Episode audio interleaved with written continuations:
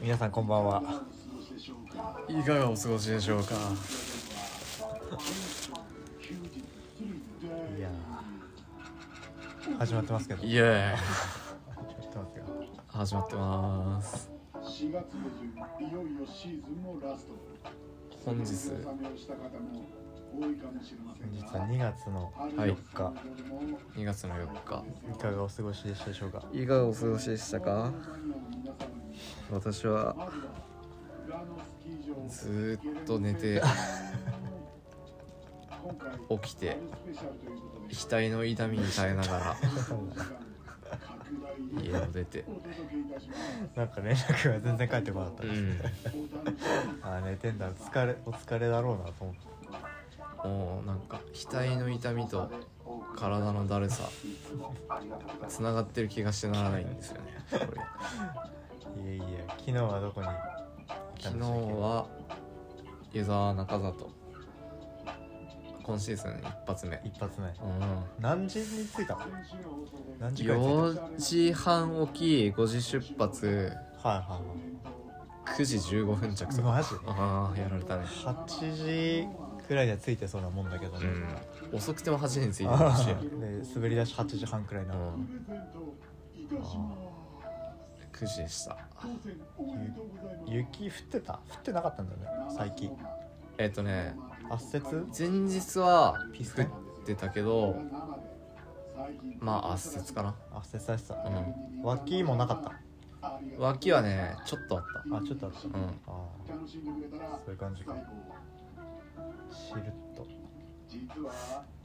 いやなんかでも硬くて硬いというかあのこ凍ってた氷気味で、ああカチカチ、うんうん、あんまりこう削れないうんうん感じでうん、天気は天気は晴れ晴れてはなかったかな、うん、晴れてはないうーんじゃあずっとなんか気温はそのまま一定な感じでそうそうあったかくなって緩んだりもせずはいはいなんか氷気味の、うん、同じ感じかちょっと難しいシャン難しいじゃんずっとついてましたねいやいやいやなるほどうんまあいかんせん額が痛くてナイターもせずに泣いた行きたかったんだけどねそうなんか チェーンソーずっと持ってんのちょっと怖いんだけど高橋さんがこの硬いところああああいやああエンジンか けちゃうエンジンかけちゃうスターターをブルンブルンと合わせにかかってるでナイターを行こうと思ったんだけど そう飯食って早めに切り上げて車でちょっと休んでナイター行こうと思って車で休んだら最後最後額の傷がダメだったか悪か化して神田津ナイターを狙ってったんだっけそう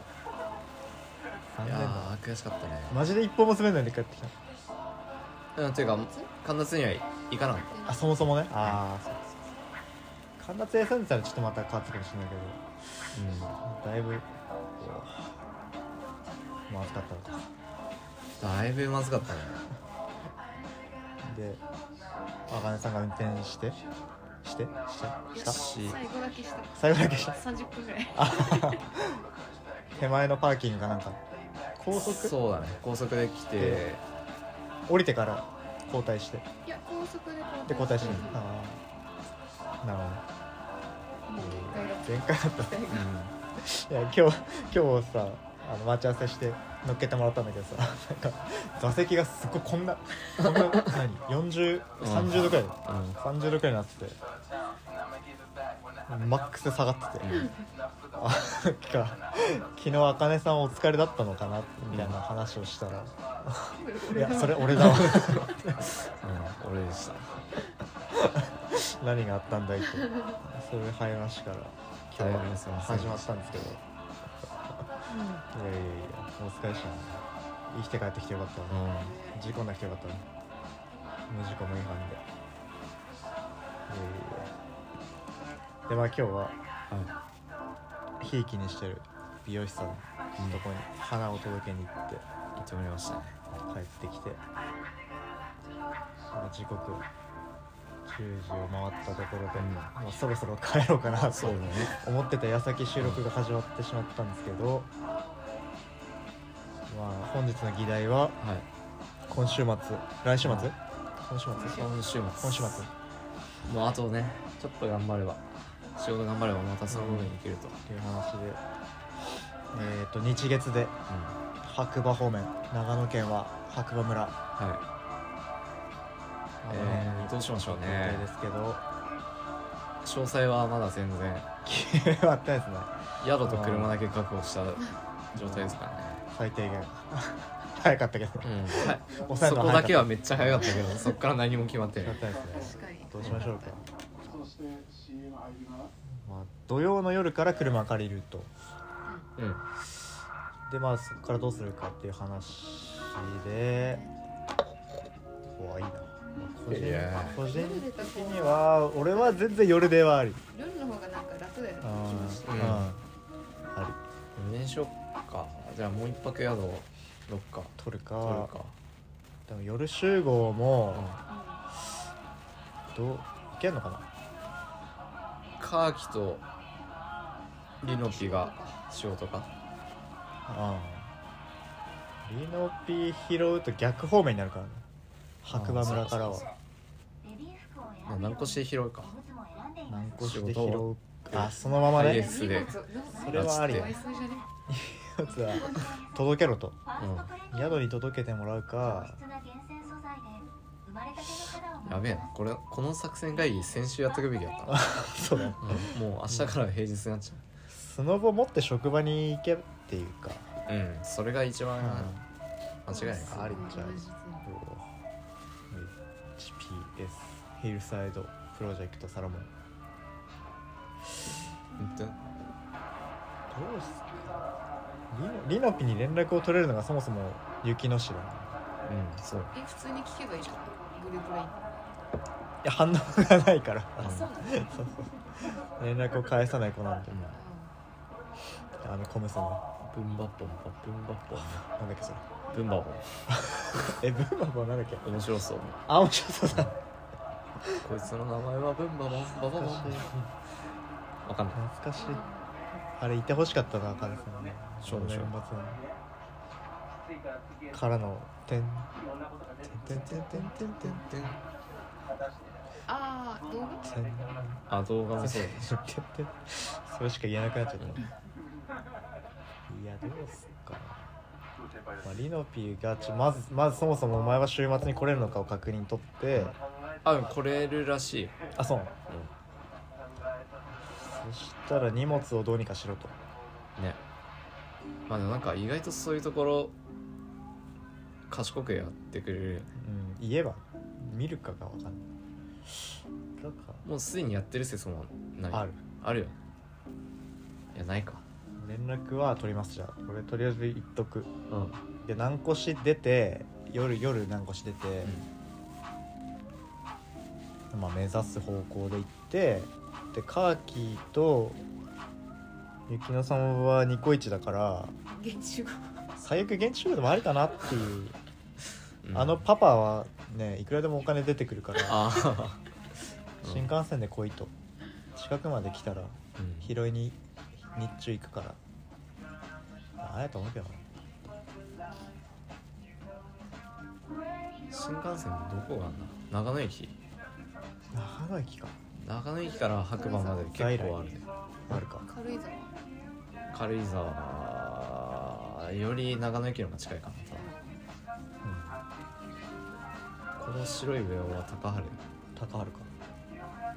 うまいよこれ高原であってほしいわグフィのお兄さんもうまいようまいね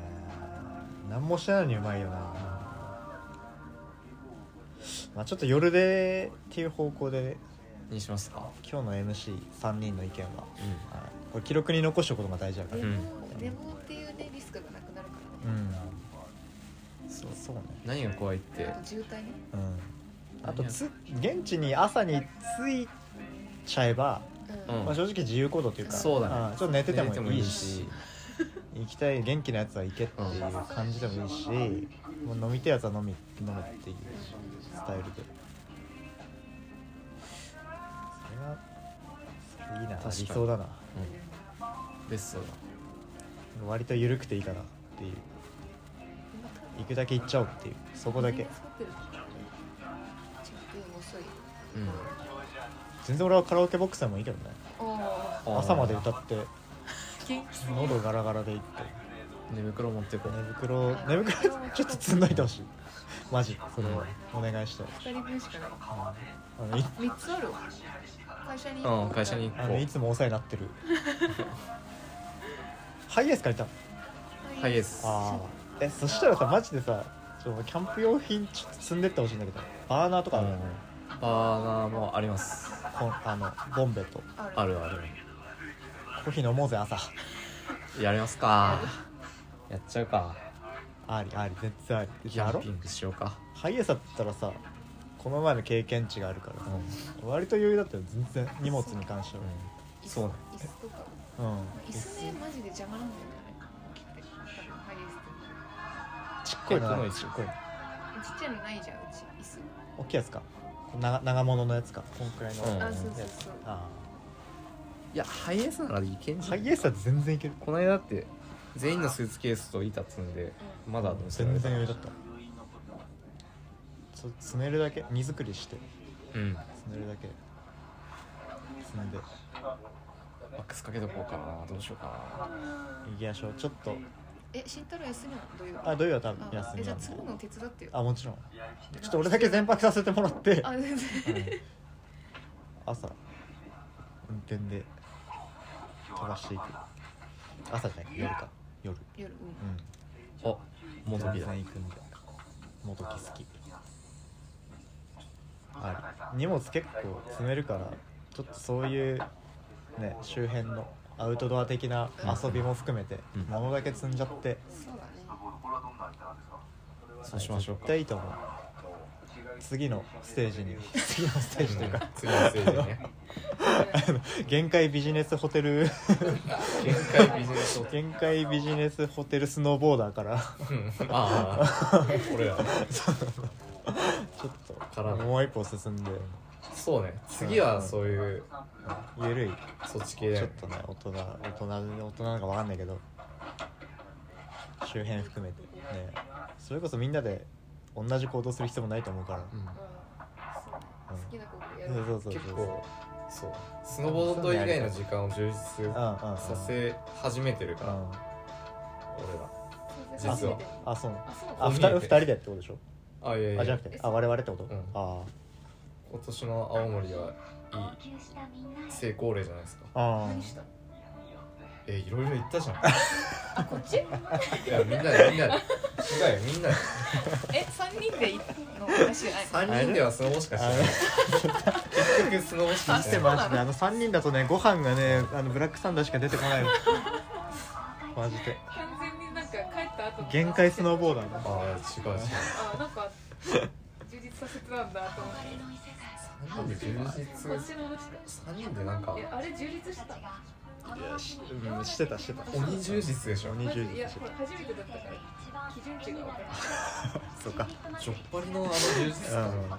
あの飲み屋なんのかね甘かったじゃんちょっぱりはね充実してた限界だったないやいやいやそういうのもね3人が帰った後一番いい飯は牛角だなあそうなんだいいじゃんまあでも牛角行ったから牛よ角の方が美味しいよそこよりおいそれは言わないでいくやれいやあのあの雰囲気ねちょっぱりの青森らしいものも食べつつねあ肉蜜肉肉蜜蜜あ自分よかった肉蜜は渋かっ肉蜜がたダメ牛角の方が美味しい肉蜜あ肉蜜それはねあーよかったなこれ初詣行ってたじゃんそれもあ初詣も行ったああ行っそうたね久しぶりに行ったね2年ぶりくらい行ったの百沢岩木さん神社岩木山神社か岩木山自体がなんか日本百名山うの一つらしいへーそうなんだ大きかったきのスキー場は大きくないんだけど百なんかロケーションがいいのかななんか百沢んあれ100歳あえこうであい一回行った一回行ったナイターも100泣いたいたはそうそうそう暗いからねあそれ百名山らしあれ景色良かったのって百沢じゃんいナイターの百沢うんうん夜景夜景は百沢あそこは良かったな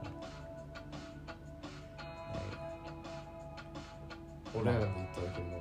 土砂降りだったからあいつだねめちゃめちゃ雨降って たそんな降るっていうぐらい雨が降ってたあしっかり雨だったなこっちにいてもそんな雨うんえ ーないマジくらいの雨そして普通だったら雪になってるになってるはず雨気だ温がった高かったんだね全が雨だっ雨だったね 真っ赤なウェア着てったはずなんだけど真っ黒になってたたうんしみしみで端からがった弾かなかったね感じなかった絞れたもん絞れたね余裕で風邪ひくわ限界だったなちょっとギュッて掴んだらブチブチブチブチブチブチブチなんかすごいなんか懐かしい懐かしい気持ちにはまあなったね懐かしい気持ちだったあの小学生くらいの時あわかの下校のもうびちゃびちゃでもういいやみたいなもう諦めて傘諦めて傘の中に水溜めるみたいなるウェアに水溜めたそう水たまりにどんどん入っていくみたいなね懐かしかったですレイニーズハイになってたねうんはいだっレイニーズハイやばいよかったまあまあ来週の話なんですけどたああそうですねまあちょっとコーヒーとか入れたいんではそう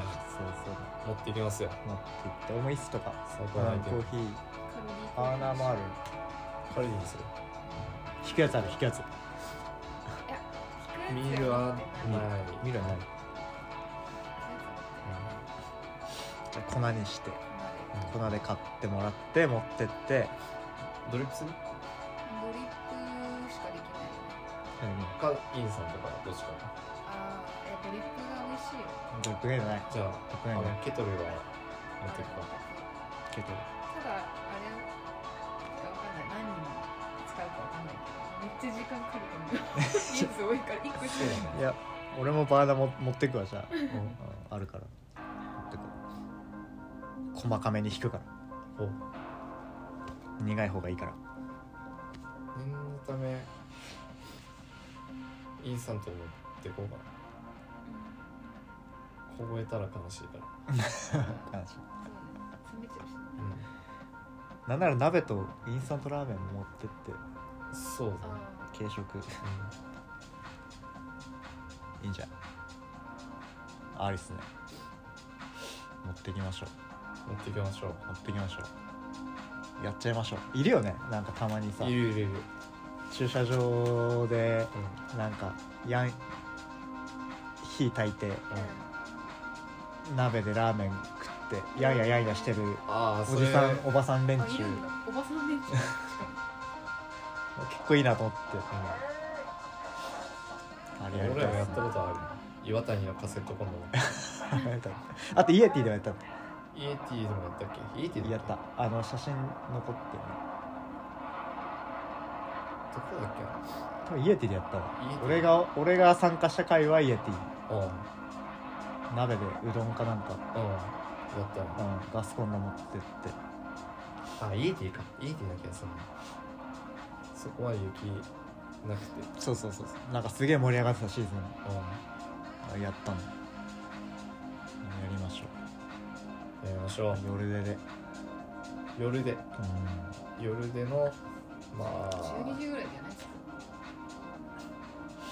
どうしようかな夜でまあ嵐たちが嵐かたちじゃなくて嵐が何時に終わるかうん仮眠夜出て朝ちょっと仮眠取って滑り出すみたいな、で滑ってチェックインして昼寝してナイターありだなまあナイター行ってもいいし飲んでもいいしそれにしましょうハイエースだから寝れるでしょみんな雑魚うん、荷物寄せれば横に立って寝荷台で雑魚寝荷台で寝れるからそうしましょう車中泊するのあやばいやばいあまさか まさかそれなしえ二人は車中泊していいよ私どっかホテル降ろしてもらああ 着くとこもじゃあまあ付近に着いた時間で考えるそうだね夜で夜でカラオケ夜ですと何時くらい1010アラセとか全員乗っけてくなら乗っけてくならうもう10時10時出発だし11時くらいうんで3時間4時間くらいで2時3時に着いてうん雑魚土曜日めっちゃ寝るか日中超ダラダラしてそれは賛成いや6人で雑魚やっていいんですよ無理じゃあ夜は場所確保しないとか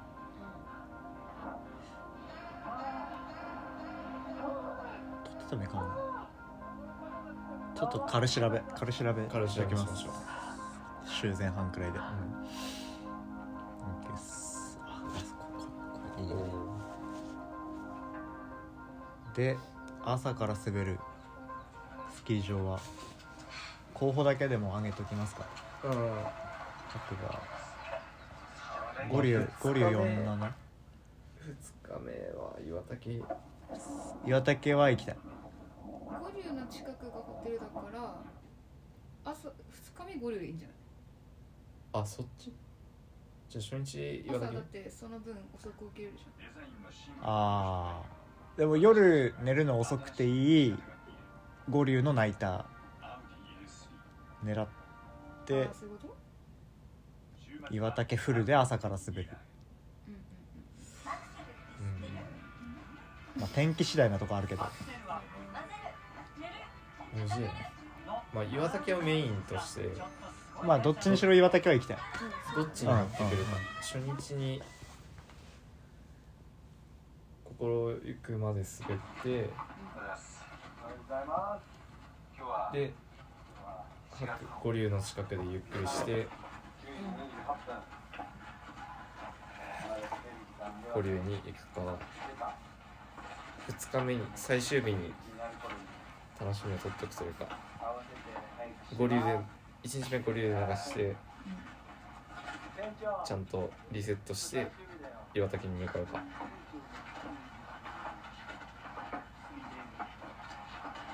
あー岩竹が本番でしょうん岩竹が本番うんメインディッシュメインディッシュメインディッシュメインディッシュあそれを最初にするか最後にするかそうそうそううん初日なんか夜出だとしたらまあまあ疲れてるんだよああ体力的にねあうんそっかそっかそのちょっと疲れた状態で岩竹に行くかうん初日は五竜で軽く流してはいはいはいはいで近くの宿でゆっくり寝てあナイターないならそれでいいやうんまあ、ナイターは希望性あ そうねまあまあまあちょっと天気天気かな俺は俺は天気次第でうん 天気次第かなうん天気とコンディションね雪岩竹はマストで岩竹はマストにしましょう決定でまあで宿近いから五竜五竜47 40 47もまあ行ってみたさもし別なんだ五竜47なんか山が隣り合ってて行き来ができるみたいなああ、うんお金払えばいいかうん多分多分多分そういう券を買えば行けるみたいな多分そういう感じだと思うんだけど、なるほどねまあ、その辺ですねえ恥ずかしいなかなかエねッチだな誰だもちろん話それるけど強いて言うならあのスピルナビが来たあのバーにあ行きたいですあ行ねきたいねこの辺にあるえっ、と五竜のうん五竜から徒歩で行けるのあそうなんだナチあっちナチ ナチあそこ普通に店としてよかったよねうんよかったなんかね居心地のいい音楽バーうんライブバーっていうのクラブみたいな感じなんだ飯うまかったよね普通に飯もよかったなんか変わったシステムだったチケットじゃないけどカウンターで支払って、うんうんつどつど支払ってみたいな、あれよかった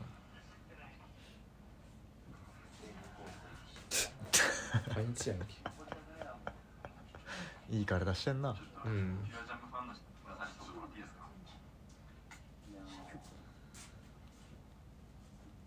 要はボディーソウルでしょ どういうこ県庁の休日